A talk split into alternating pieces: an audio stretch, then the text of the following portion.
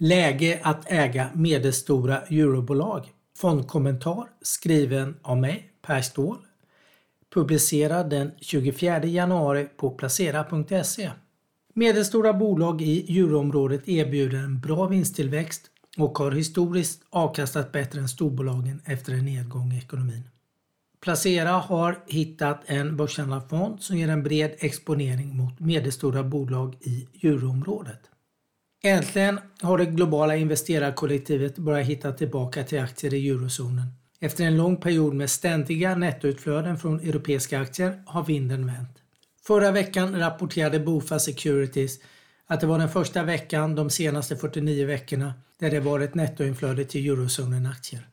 Medelstora bolag i EMU har klått storbolagen under perioder efter en nedgång i ekonomin. Under de två åren efter finanskrisen 2008 avkastade medelstora bolag bättre än storbolagen. Samma mönster upprepade sig efter eurokrisen 2011.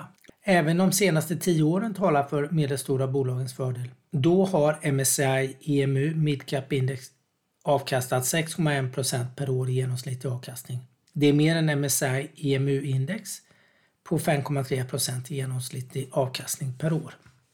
Lägg till att risknivån varit lägre för medelstora bolag. Standardavvikelsen för MSCI EMU Midcap Index landar på 17,7 procent mot 18,3 för storbolagen i EMU. Medelstora bolag erbjuder oftast snabbare tillväxt än stora bolag. Det är extra tydligt. Det är extra tydligt kommande 12 månader då vinsttillväxten för medelstora EMU-bolag är betydligt högre än storbolagens enligt indexberäknaren MSCI. Värderingen talar också för EMUs medelstora bolag. De värderas på P tal 10,4 för kommande års vinst. Det är lägre än globala medelstora bolag som har 14 i P tal. Även pris genom bokfört värde är klart lägre för medelstora EMU-bolag på 1,3 mot 1,9 för de globala medelstora bolagen och 2,7 för de stora bolagen i EMU. Direktavkastningen för de medelstora bolagen i EMU är klart högst i klassen, närmare 3% mot globala snittet på 2,3% Det finns flera anledningar till att små och medelstora bolag tenderar att överkasta över tid. Det mest uppenbara är att de växer snabbare än storbolag, vilket ger ökade vinster, förbättrade marginaler och en starkare kursutveckling. Många medelstora bolag är verksamma i nya branscher som växer snabbare än traditionella branscher och de växer från en lägre bas. En annan intressant iakttagelse är att investerare tenderar att vara underinvesterade i medelstora bolag och koncentrationen till stora bolag är större än på mycket länge. På sikt när riskviljan ökar och det blir en kärvare tid för de absolut största globala storbolagen kan det tala för medelstora bolag i EMU. Vill du inte leta medelstora bolag på börserna i EMU? Då finns det några börshandlade fonder med exponering mot underliggande index. Utbudet av börshandlade fonder med inriktning mot MSCI, EMU, Midcap Index är litet. Jag har valt den börshandlade fonden iShares Midcap Usits ETF Euro med börskoden IS3H. Det är en passiv fond som investerar efter MSCI EMU Midcap Index. Det är ett brett aktieindex som omfattar hela 120 bolag noterade på 10 börser i EMU-området. Indexberäknare är amerikanska indexberäknaren MSCI. Indexet spänner från det största med ett börsvärde på 21,8 miljarder euro till det minsta med ett börsvärde på 2 miljarder euro. Genomsnittsvärdet för bolagen i indexet ligger på 6,9 miljarder euro. För en svensk investerare låter genomsnittsvärdet mer som ett storbolag än medelstort bolag. Men som jämförelse har MSCI EMU-index som inkluderar de 230 största bolagen i EMU, området. ett genomsnittsvärde på 20 miljarder euro per bolag. Franska LVMH som är Europas största börsnoterade bolag har ett börsvärde på närmare 400 miljarder euro. Indexet ombalanseras halvårsvis den sista börsdagen i maj och november.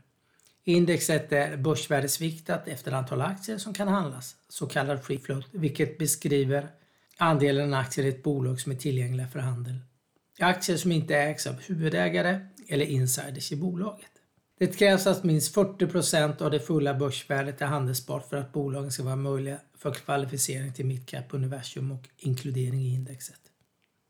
Fonden innehåller en mix av både värde och tillväxtbolag men har för närvarande en lutning åt värdebolag. Likviditeten i innehaven är bra och volatiliteten hög. Industrisektorn väger tyngst på 25 procent, näst störst är finanssektorn med 14 följt av råvaror på 11,5 procent. Sällanköpsvaror motsvarar 10 procent och hamnar på fjärde plats före kommunikationsbolag med 7,2 procent. Drygt 30 procent av indexet består av bolag från Frankrike. Tyska medelstora bolag intar en andra plats med en vikt på 22 procent. Italienska bolag kommer på en tredje plats med 12,3 procent och nederländska bolag väger knappt 11 procent. Finländska bolag intar en femte plats med en vikt på knappt 7% De tio största innehaven i iShares EMU Midcap Usits ETF Euro utgör precis som i den underliggande indexet 20% av fondens värde. Största bolag är franska elektronikkoncernen Legrand på 2,6 följt av den spanska olje och naturgasbolaget Repsol med 2,5 Franska Veolia som återfinns inom avfallshantering och vattentjänster är det tredje största bolaget med 2,1% och räknas som ett allmännyttigt bolag iShares EMU Midcap Usits ETF Euro ger en mycket bred exponering mot medelstora bolag i EMU och är ett intressant komplement till en europeisk storbolagsfond.